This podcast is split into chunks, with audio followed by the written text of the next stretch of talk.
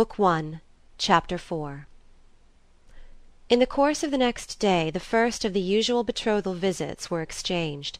The New York ritual was precise and inflexible in such matters, and in conformity with it Newland Archer first went with his mother and sister to call on Mrs. Welland, after which he and Mrs. Welland and May drove out to old Mrs. Manson Mingott's to receive that venerable ancestress's blessing.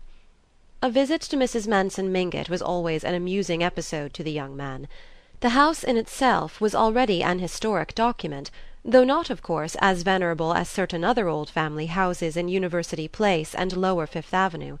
Those were of the purest 1830, with a grim harmony of cabbage rose garlanded carpets, rosewood consoles, round arched fireplaces with black marble mantels, and immense glazed bookcases of mahogany whereas old Mrs. Mingott, who had built her house later, had bodily cast out the massive furniture of her prime and mingled with the Mingott heirlooms the frivolous upholstery of the Second Empire. It was her habit to sit in a window of her sitting room on the ground floor as if watching calmly for life and fashion to flow northward to her solitary doors. She seemed in no hurry to have them come, for her patience was equalled by her confidence.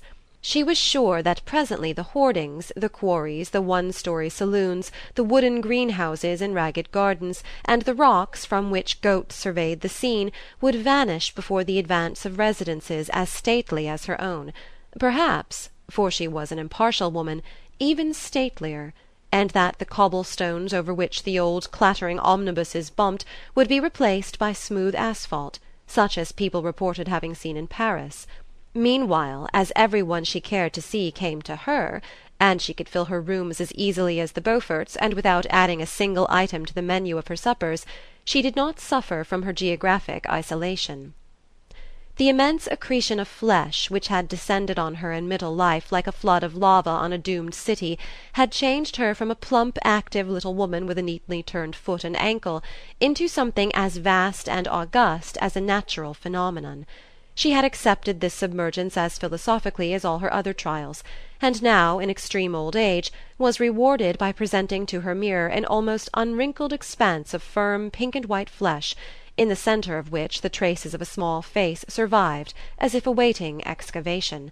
A flight of smooth double chins led down to the dizzy depths of a still snowy bosom veiled in snowy muslins that were held in place by a miniature portrait of the late Mr. Mingott and around and below wave after wave of black silk surged away over the edges of a capacious arm-chair, with two tiny white hands poised like gulls on the surface of the billows. The burden of Mrs. Manson Mingott's flesh had long since made it impossible for her to go up and down stairs, and with characteristic independence she had made her reception rooms upstairs and established herself, in flagrant violation of all the New York proprieties, on the ground floor of her house so that, as you sat in her sitting room window with her, you caught, through a door that was always open and a looped back yellow damask portiere, the unexpected vista of a bedroom with a huge low bed upholstered like a sofa and a toilet table with frivolous lace flounces and a gilt framed mirror. Her visitors were startled and fascinated by the foreignness of this arrangement, which recalled scenes in French fiction, and architectural incentives to immorality such as the simple American had never dreamed of. That was how women with lovers lived in the wicked old societies, in apartments with all the rooms on one floor, and all the indecent propinquities that their novels described. It amused Newland Archer, who had secretly situated the love scenes of Monsieur de Camors in Mrs. Mingott's bedroom to picture her blameless life led in the stage setting of adultery; but he said to himself, with considerable admiration, that if a lover had been what she wanted the intrepid woman would have had him too. To the general relief the Countess Olenska was not present in her grandmother's drawing room during the visit of the betrothed couple. Mrs. Mingott said she had gone out, which, on a day of such glaring sunlight, and at the shopping hour, seemed in itself an indelicate thing for a compromised woman to do but at any rate it spared them the embarrassment of her presence and the faint shadow that her unhappy past might seem to shed on their radiant future.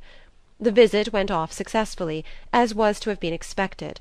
Old Mrs. Mingott was delighted with the engagement, which, being long foreseen by watchful relatives, had been carefully passed upon in family council, and the engagement ring, a large thick sapphire set in invisible claws, met with her unqualified admiration. "It's the new setting. Of course it shows the stone beautifully, but it looks a little bare to old fashioned eyes," Mrs. Welland had explained, with a conciliatory side glance at her future son in law. "Old fashioned eyes? I hope you don't mean mine, my dear. I like all the novelties," said the ancestress, lifting the stone to her small bright orbs, which no glasses had ever disfigured.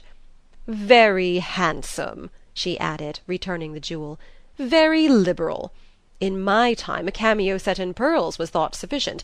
But it's the hand that sets off the ring, isn't it, my dear Mr. Archer?" And she waved one of her tiny hands, with small pointed nails and rolls of aged fat encircling the wrist like ivory bracelets. "Mine was modelled in Rome by the great Ferrigiani.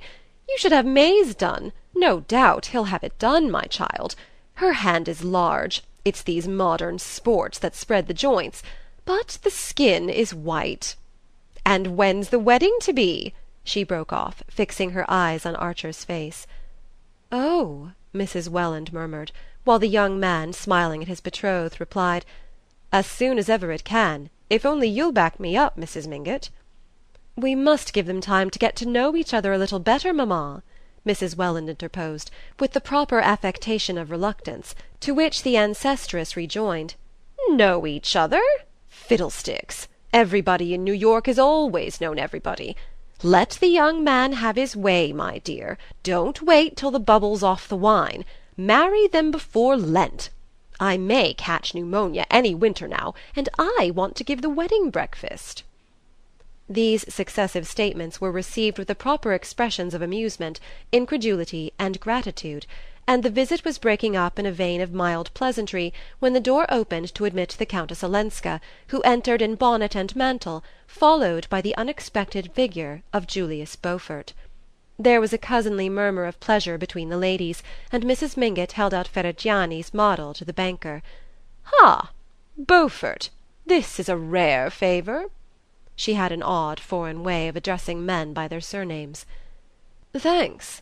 I wish it might happen oftener," said the visitor in his easy arrogant way. "I'm generally so tied down; but I met the Countess Ellen in Madison Square, and she was good enough to let me walk home with her." "Ah!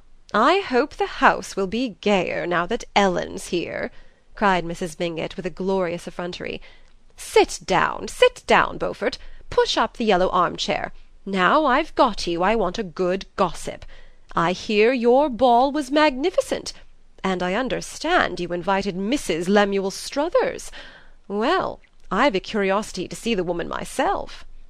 She had forgotten her relatives, who were drifting out into the hall under Ellen Olenska's guidance. Old Mrs. Mingott had always professed a great admiration for Julius Beaufort, and there was a kind of kinship in their cool domineering way and their short cuts through the conventions. Now she was eagerly curious to know what had decided the Beauforts to invite, for the first time, Mrs. Lemuel Struthers, the widow of Struthers Shoe Polish, who had returned the previous year from a long initiatory sojourn in Europe to lay siege to the tight little citadel of New York. "Of course if you and Regina invite her the thing is settled. Well, we need new blood and new money; and I hear she's still very good looking," the carnivorous old lady declared. In the hall, while Mrs. Welland and May drew on their furs, Archer saw that the Countess Olenska was looking at him with a faintly questioning smile. "Of course you know already about May and me," he said, answering her look with a shy laugh. "She scolded me for not giving you the news last night at the opera. I had her orders to tell you that we were engaged, but I couldn't, in that crowd." The smile passed from Countess Olenska's eyes to her lips. She looked younger more like the bold brown Ellen Mingott of his boyhood. "Of course I know. Yes, and I'm so glad. But one doesn't tell such things first in a crowd." The ladies were on the threshold, and she held out her hand. "Good bye. Come and see me some day," she said, still looking at Archer. In the carriage, on the way down Fifth Avenue, they talked pointedly of Mrs. Mingott, of her age, her spirit, and all her wonderful attributes. No one alluded to Ellen Olenska, but Archer knew that Mrs. Welland was thinking It's a mistake for Ellen to be seen, the very day after her arrival, parading up Fifth Avenue at the crowded hour with Julius Beaufort." And the young man himself mentally added: "And she ought to know that a man who's just engaged doesn't spend his time calling on married women. But I dare say in the set she's lived in they do. They never do anything else." And, in spite of the cosmopolitan views on which he prided himself, he thanked heaven that he was a New Yorker, and about to ally himself with one of his own kind.